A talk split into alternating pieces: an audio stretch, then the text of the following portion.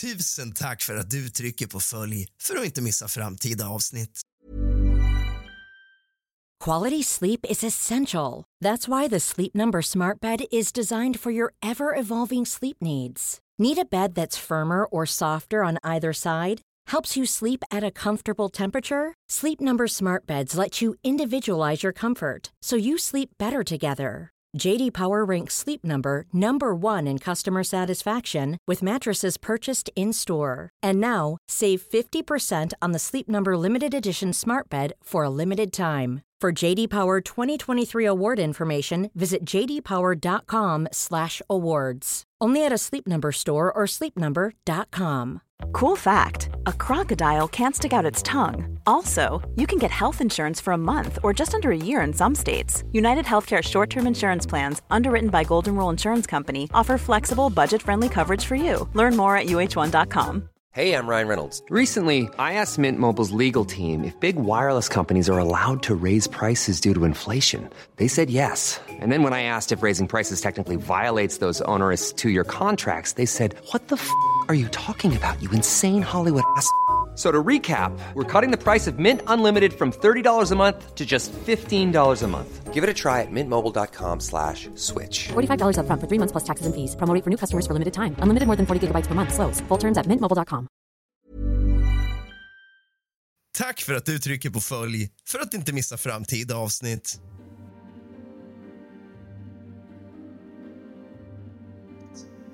God afton din lilla fegis och kallt välkommen tillbaka ska just du vara till kusligt, rysligt och mysigt. Idag tänkte jag att vi ska tala lite grann om den amerikanska mördaren och kroppsnjutaren Ed Gein. Så släck alla lampor och hämta lite sällskap din lilla fegis och någonting gott att dricka. Släck alla lampor och tänd alla ljus och sätt dig ner. För nu börjar dagens avsnitt av kusligt, rysligt och mysigt.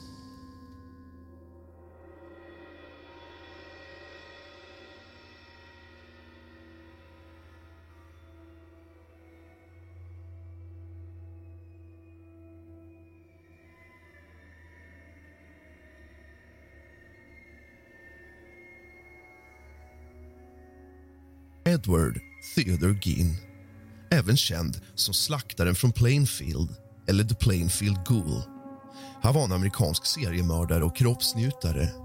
Gins brott, som begicks runt hans hemstad Plainfield i Wisconsin fick stor uppmärksamhet 1957 efter att myndigheterna upptäckte att han grävde upp lik från lokala kyrkogårdar för att tillverka troféer och minnessaker av deras ben och hud. Gin erkände också att han mördat två kvinnor krogägaren Mary Hogan 1954 och järnhandelsägaren Bernice Warden 1957. Gene ansågs till en början vara olämplig för rättegång och sattes in på ett mentalsjukhus. 1968 bedömdes han vara kompetent nog att ställa upp i en rättegång. Han befanns skyldig till morden på Warden men befanns vara juridiskt sinnessjuk och återförvisades till en psykiatrisk institution. Han dog på Mendota Mental Health Institute av andningssvårigheter den 26 juli 1984 vid en ålder av 77 år. Han är begravd bredvid sin familj på Plainfield Cemetery i en nu omärkt grav. Gene föddes i La Crosse i Wisconsin den 27 augusti 1906 som den andra av två pojkar till George Philip Gene och Augusta Wilhelmine. Gene hade en äldre bror, Henry George Augusta var ivrigt religiös och nominellt luthersk. Hon predikade för sina söner om världens medfödda omoral det onda i att dricka och sin övertygelse om att alla kvinnor förutom henne själv var naturligt promiskuösa och djävulens redskap. Hon reserverade tid varje eftermiddag för att läsa för dem ur Bibeln. Vanligtvis valde hon verser från Gamla testamentet och Uppenbarelseboken som handlade om död, mord och gudomlig vedergällning. Hon hatade sin man, en alkoholist som inte kunde behålla ett arbete. Han var vid olika tillfällen snickare, garvare och försäkringsförsäljare. Under sin tid i La Crosse ägde George en lokal livsmedelsbutik men han sålde snart verksamheten och lämnade staden med sin familj för att leva isolerat på en gård på 63 hektar i staden Plainfield, Wisconsin. Detta blev familjen Jeans prominenta hemvist. Augusta utnyttjade gårdens isolering genom att avvisa utomstående som kunde ha påverkat hennes söner och Gin lämnade gården endast för att gå i skolan. Utanför skolan ägnade han den mesta tiden till sysslor på gården. Gin var blyg och klasskamrater och lärare mindes honom som en person med märkliga maner. Till exempel syntes ett slumpmässigt skratt som om han skrattade åt sina egna personliga skämt. Till råga på allt straffade Augusta honom så fort han försökte få vänner. Trots sin dåliga sociala utveckling klarade han sig ganska bra i skolan, särskilt i läsning. Den 1 april 1940 dog Ed Geins far George vid 66 års ålder av hjärtsvikt orsakad av hans alkoholism. Henry och Ed började göra småjobb i staden för att hjälpa till att täcka levnadskostnaderna. Bröderna ansågs i allmänhet vara pålitliga och ärliga av invånarna i samhället. Medan båda arbetade som hantverkare var Ed ofta barnvakt åt grannar. Han tyckte om att sitta barnvakt och verkade ha lättare att relatera till barn än till vuxna. Henry började träffa en frånskild tvåbarnsmamma och planerade att flytta in hos henne. Han oroade sig för sin brors anknytning till deras mamma och talade ofta illa om henne i Eds närhet som reagerade med chock och smärta. Den 16 maj 1944 brände Henry och Ed bort sumpvegetation på fastigheten. Branden blev okontrollerbar och drog till sig uppmärksamhet från den lokala brandkåren. I slutet av dagen, branden var släckt och brandmännen borta, så rapporterade Ed att hans bror var försvunnen. Med lyktor och ficklampa sökte en sökpatrull efter Henry vars döda kropp hittades liggandes med ansiktet nedåt. Uppenbarligen hade han varit död en tid och det visade sig att dödsorsaken var hjärtsvikt eftersom han inte hade bränts eller skadat på annat sätt. Det rapporterades senare av biografen Harold Schaenter att Henry hade blåmärken på huvudet. Polisen avfärdade möjligheten av ett brott och länets rättsläkare angav senare officiellt kvävning som dödsorsak. Myndigheterna accepterade teorin om en olycka men ingen officiell utredning genomfördes och någon obduktion utfördes inte. När Ed Gein förhördes om Bernice Wardens död 1957 tog den statliga utredaren Joe Wilimowski upp frågor om Henrys död. Gein och hans mor var nu ensamma. Augusta fick en förlamande stroke kort efter Henrys död och Gein ägnade sig åt att ta hand om henne. Någon gång 1945 berättade Gein senare att han besökte sin mor och han och en man vid namn Smith som bodde i närheten var med för att köpa halm. Enligt Gin bevittnade Augusta att Smith slog en hund. En kvinna i Smiths hem kom ut och skrek att han skulle sluta men Smith slog ihjäl hunden. Augusta blev oerhört upprörd över denna scen men det som störde henne var inte brutaliteten mot hunden utan snarare kvinnans närvaro. Augusta berättade för Ed att kvinnan inte var gift med Smith och därför inte hade något att göra där och kallade henne ilsket för Smiths sköka. Hon fick en andra stroke kort därefter och hennes hälsa försämrades snabbt. Hon dog den 29 december 1945 vid 67 års ålder. Ed var förkrossad av hennes död men författaren Harold Sheeters ord hade han förlorat sin enda vän och enda sanna kärlek och han var helt ensam i världen. Gin höll fast vid gården och tjänade pengar på småjobb. Han brädade upp rum som användes av hans mor inklusive övervåningen, nedre salongen och vardagsrummet och lämnade dem orörda medan resten av huset blev allt mer sliskigt förblev dessa rum helt intakta. Gin bodde därefter i ett litet rum bredvid köket. Vid den här tiden började han intressera sig för att läsa pulpatidningar och äventyrsberättelser särskilt sådana som handlade om kannibaler eller nazistiska grymheter. Gin var hantverkare och fick jordbruksbidrag från den federala regeringen från och med 1951. Han arbetade ibland för det lokala kommunala väglaget och för skördetröskningslaget i området. Någon gång mellan 1946 och 1956 sålde han också ett 32 hektar stort markområde som hans bror Henry tidigare ägt. På morgonen den 16 november 1957 försvann Plainfields järnaffärsägare Bernice Warden. En invånare i Plainfield rapporterade att järnaffärens lastbil hade körts ut från baksidan av byggnaden omkring 9.30. Järnaffären hade få kunder under dagen. Vissa invånare i området trodde att det berodde på att det var rådjursjakt. Bernice Wardens son, biträdande sheriff Frank Warden gick in i butiken omkring klockan 17.00 och fann butikens kassaapparat öppen med blodfläckar på golvet. Frank Warden berättade för utredarna att Gin kvällen innan hans mors försvinnande hade varit i butiken och att han skulle ha återvänt nästa morgon för att hämta en gallon av frostskyddsmedel. Ett kvitto på en gallon frostskyddsmedel var det sista kvittot som Warden skrev på morgonen då hon försvann. På kvällen samma dag greps Gin i livsmedelsbutiken i West Plainfield och det gjordes en husrannsakan på hans gård. En biträdande sheriff i Washara County upptäckte Wardens halshuggna kropp i ett skjul på Gins egendom upphängd upp och ner i benen med en tvärstång vid fotlederna och ett rep vid handlederna. Torson var klädd som ett rådjur. Hon hade skjutits med ett 22-kalibrigt gevär och stympningarna gjordes efter hennes död. Vid en husrannsakan fann myndigheterna följande. Hela mänskliga ben och fragment. En papperskorg gjord av människohud. Människoskinn som täckte flera stolsitsar. Skallar på sängstolparna. Kvinnokranier, vissa med topparna avsågade. Skålar gjorda av människokranier. En korsett tillverkad av en kvinnlig torso som flotts från axlar till midja. Leggings gjorda av mänsklig benhud. Masker gjorda av hud från kvinnohuvuden. Mary Hogans ansiktsmask i en papperspåse. Mary Hogans skalle i en låda. Bernice Wardens hela huvud i en säck. Bernice Wardens hjärta i en plastpåse framför Gins grytspis. Nio vulvor i en skokartong.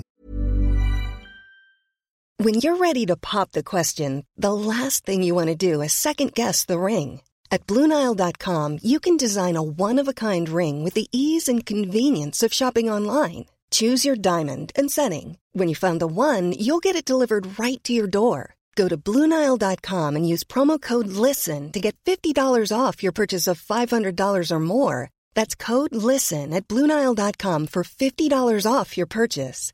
Bluenile.com code LISTEN. A lot can happen in three years, like a chatbot may be your new best friend. But what won't change? Needing health insurance. United Healthcare Tri Term Medical Plans, underwritten by Golden Rule Insurance Company, offer flexible, budget friendly coverage that lasts nearly three years in some states. Learn more at uh1.com. Quality sleep is essential. That's why the Sleep Number Smart Bed is designed for your ever evolving sleep needs. Need a bed that's firmer or softer on either side? Helps you sleep at a comfortable temperature? Sleep Number Smart Beds let you individualize your comfort so you sleep better together. JD Power ranks Sleep Number number 1 in customer satisfaction with mattresses purchased in-store. And now, save 50% on the Sleep Number limited edition Smart Bed for a limited time. For JD Power 2023 award information, visit jdpower.com/awards. Only at a Sleep Number store or sleepnumber.com.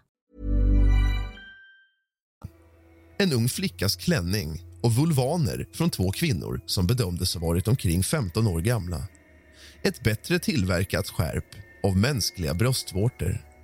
Fyra näsor. Ett par läppar på en rullgardin med dragsko. En lampskärm tillverkad av huden från ett mänskligt ansikte. Fingernaglar från kvinnliga fingrar. Dessa artefakter fotograferades på det statliga kriminaltekniska laboratoriet och bortförskaffades sedan på ett anständigt sätt. När han förhördes berättade Gin för utredarna att han mellan 1947 och 1952 gjort så många som 40 nattliga besök på tre lokala kyrkogårdar för att gräva upp nyligen begravda kroppar medan han befann sig i ett bedövningsliknande tillstånd. Vid ungefär 30 av dessa besök sa han att han kom ur sin dimma medan han var på kyrkogården lämnade graven i god ordning och återvände hem tomhänt. Vid de andra tillfällena grävde han upp gravar av nyligen begravda medelålders kvinnor som han tyckte liknade sin mor och tog med sig kropparna hem. Där garvade han deras skinn för att göra sina prylar. Gin erkände att han hade stulit från nio gravar på lokala kyrkogårdar och ledde utredare till deras platser. Alan Wilimowski från det statliga kriminaltekniska laboratoriet deltog i öppnandet av tre testgravar som identifierats av Gin. Kistorna låg inuti trälådor. De översta brädorna löpte tvärs över. Lådornas toppar låg cirka 61 centimeter under ytan i sandlig jord. Gin hade rånat gravarna strax efter begravningarna medan gravarna inte var färdiga. Testgravarna grävdes upp eftersom myndigheterna var osäkra på om den lättskröpte Gin var kapabel till att ensam gräva upp en grav under en enda kväll. De hittade som Gin beskrev.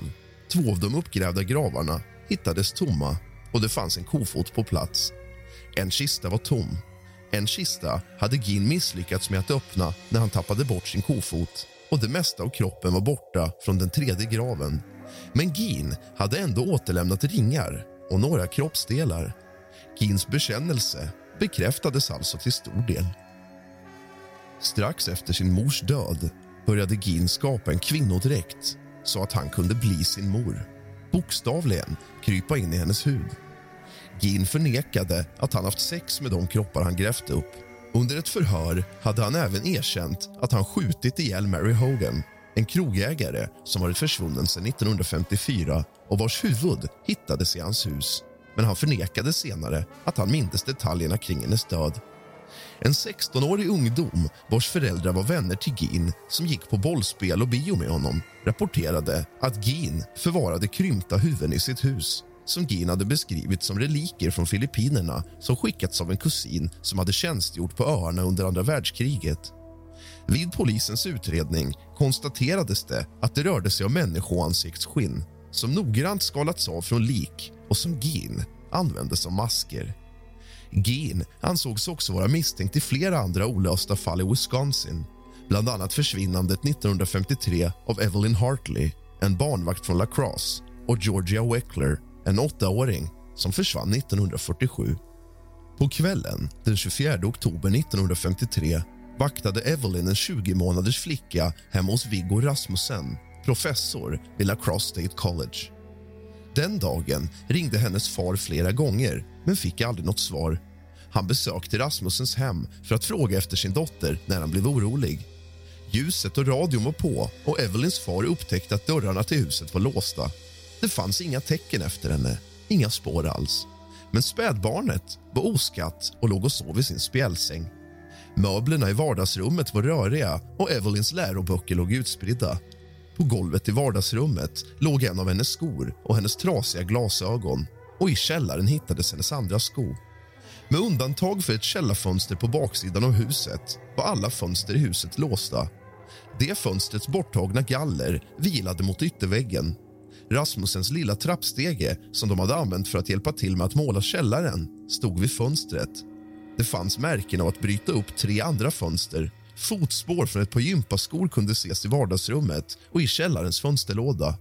En avsevärd mängd blod från Evelyns blodgrupp hittades både i huset intill källarfönstret och utanför på gården. Utöver spåren av inbrott på gården fanns två blodpölar varav den ena var 18 tum i diameter. Det fanns ett blodigt handavtryck cirka en meter från marken på väggen till garaget och 30 meter från Rasmussens hus fläckar på huset till en grannes hus.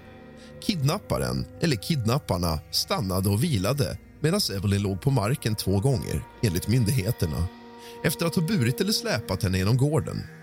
Efter att ha följt Evelyns spår i två kvarter tappade spårhundarna bort spåret som ligger nordöst om Rasmussens bostad. Myndigheterna trodde att den som kidnappade henne kört iväg henne i en bil. Amatördetektiver har noterat en likhet mellan Evelyn Hartleys bortförande och försöket att kidnappa Judy Rodenkall. Judy Rodenkall var en 16-årig gymnasieelev i Auroraville, Wisconsin som ligger 10 mil väster om Oshkosh. På morgonen den 30 oktober 1956, dagen innan halloween gick Judy hemifrån för att hämtas av skolbussen, men hon kom aldrig fram till skolan. Det var inte förrän på kvällen när hennes pojkvän kom till Rodencalls hus för att ta med henne ut på en dejt som någon insåg att något var fel. Judys strumpor och näsduk hittades på en bro nära Millpond, en mil norr om hennes hem. Blodhundar fördes till bäcken, men de kunde inte spåra henne bortom bron. Den 2 november klockan 19.30 på kvällen hittade bonden Edgar Tim Judy levande, barfota, kall och medvetslös i en hydda på hans mark. Hon vaknade upp i ett chocktillstånd och fördes till sjukhus där hon släpptes ut efter ungefär en vecka. Efteråt kunde hon inte redogöra för sina handlingar under de tre saknade dagarna. Läkare föreslog att hon hade drabbats av en blackout. Det hade länge spekulerats i om hon blivit bortförd av samma person som förde bort Hartley, men att hon kanske lyckats fly. Den lokala polisen gjorde aldrig någon uppföljning och la ner fallet. Identiteten på Rodencalls kidnappare har aldrig fastställts. Auroraville låg bara 33 mil öster om Plainfield. Vid 15.30-tiden den 1 maj 1957 försvann Georgia Jean Weckler från området kring sin bondgård på landsbygden i Fort Atkinson, Wisconsin. Hon gick i tredje klass på Oakland Center School när en granne hämtade henne och lämnade henne i början av den halvmilånga uppfarten till hennes hus. Georgia föreslog för sin granne att hon innan hon återvände hem skulle gå ut i skogen och hämta några blommor till en majdagskorg. Georgia observerades av grannen när hon hämtade en stor bunt brev från familjens brevlåda och började gå upp för uppfarten. Men hon kom aldrig fram till sitt hem. Den post hon höll i handen när hon försvann har aldrig hittats och man har aldrig hört av henne igen. Vittnen påstår sig ha sett en mörk, kanske svart Fordbil med fyra dörrar från 1936 röra sig i området den eftermiddagen.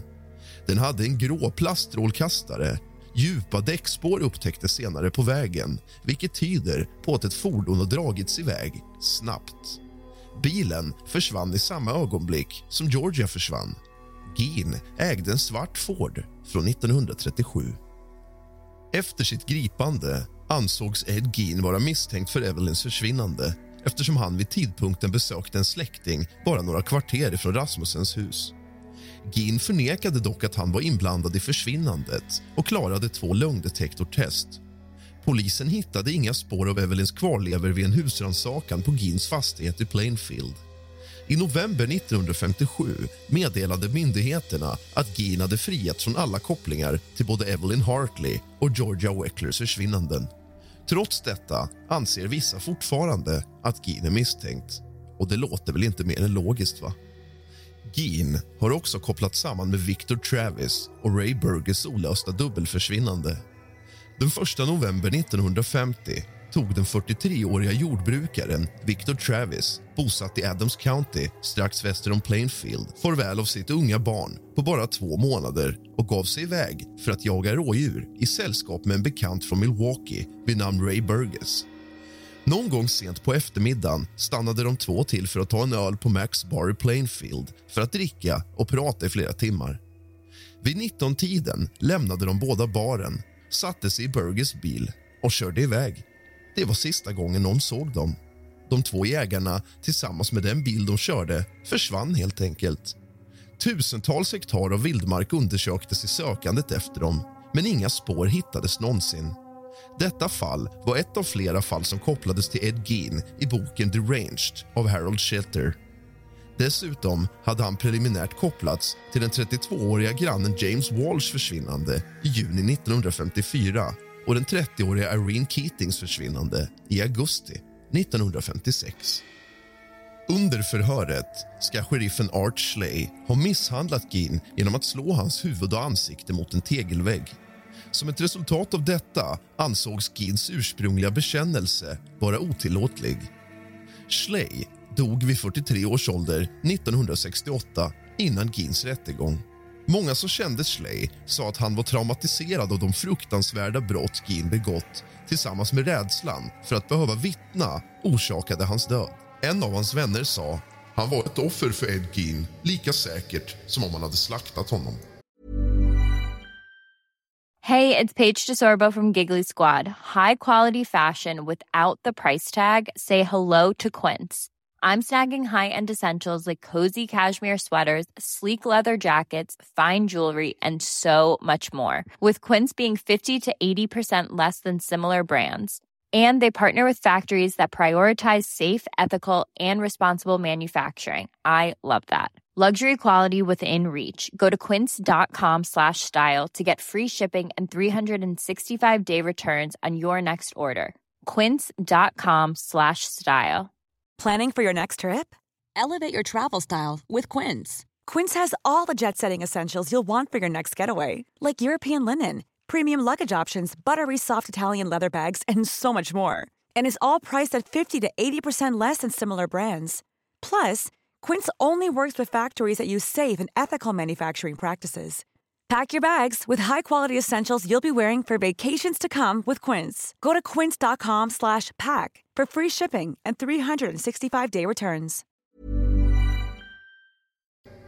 Den 21 november 1957 ställdes Geen inför rätta för ett fall av mord av första graden i Washara County Court där han pläderade på att han inte var skyldig på grund av sinnessjukdom.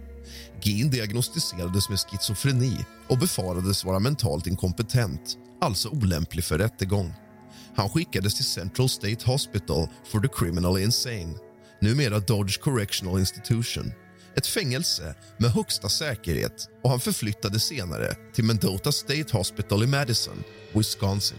År 1968 konstaterade läkare att Geen var mentalt kapabel att konfrontera med sitt ombud och delta i sitt försvar. Rättegången inleddes den 7 november 1968 och pågick i en vecka. En psykiatriker vittnade om att Geen hade sagt till honom att han inte visste om mordet på Bernice Warden var avsiktligt eller oavsiktligt. Gin hade berättat för honom att medan han undersökte ett gevär i Wardens butik gick geväret av och dödade Warden. Gin vittnade om att han hade försökt ladda en kula i geväret och att det laddades av. Han sa att han inte hade riktat geväret mot Warden och att han inte mindes något annat som hade hänt den morgonen. På begäran av försvaret hölls Geens rättegång utan jury med domare Robert H. Golmar som ordförande. Gin befanns skyldig av Goldman den 14 november. En andra rättegång handlade om Geens sinnestillstånd. Efter vittnesmål från läkare för åklagarsidan och försvaret förklarade Golmar Gene inte skyldig på grund av sinnessjukdom och beordrade honom inlagd på Central State Hospital for the Criminal Insane. Gin tillbringade resten av livet på ett mentalsjukhus. Domaren Golmar skrev på grund av oöverkomliga kostnader prövades Gin för endast ett mord. Mordet på fru Warden. Gins hus och 79 hektar stora fastighet värderades till 4 700 dollar. Detta motsvarar idag 44 000 dollar, så ungefär en halv miljon kronor. Hans ägodelar var planerade att auktioneras ut den 30 mars 1958 mitt i ryktena om att huset och marken det stod på skulle kunna bli en turistattraktion. Tidigt på morgonen den 20 mars förstördes huset av en brand. En biträdande brandchef rapporterade att en sopeld hade tänts 23 meter från huset av ett städteam som fått i uppgift att göra sig av med sopor. Att het kol återfanns på platsen för bålet men att elden inte spred sig längs marken från den plats till huset. Man misstänkte mordbrand, men brandorsaken fastställdes aldrig officiellt. Det är möjligt att brandchef Frank Warden son till Bernice Warden, Geens sista offer, inte ansåg att branden var en brådskande fråga. När Gin fick reda på händelsen när han satt i förvar ryckte han på axlarna och sa Ja, det är lika bra. Gins Ford, som använts för att transportera kropparna av sina offer såldes på offentlig auktion för 760 dollar motsvarande 7 100 dollar idag. Den köptes av en karnevalägare, Bunny Gibbons Gibbons tog ut 25 cent av karnevalbesökarna för att få se bilen. Gene avled på Mendota Mental Health Institute på grund av andningssvikt till följd av lungcancer den 26 juli 1984 vid en ålder av 77 år. Under årens lopp har souvenirjägare huggit loss bitar från hans gravsten på Plainfield Cemetery till själva stenen stals år 2000. Den återfanns i juni 2001 i närheten av Seattle, Washington och förvarades på Washara County Sheriff's Department. Själva gravplatsen är numera omärkt, men inte okänd. Gene är begravd mellan sina föräldrar och sin bror på kyrkogården. Du har lyssnat på kusligt, rysligt och mysigt av och med mig, Rask. Sov gott.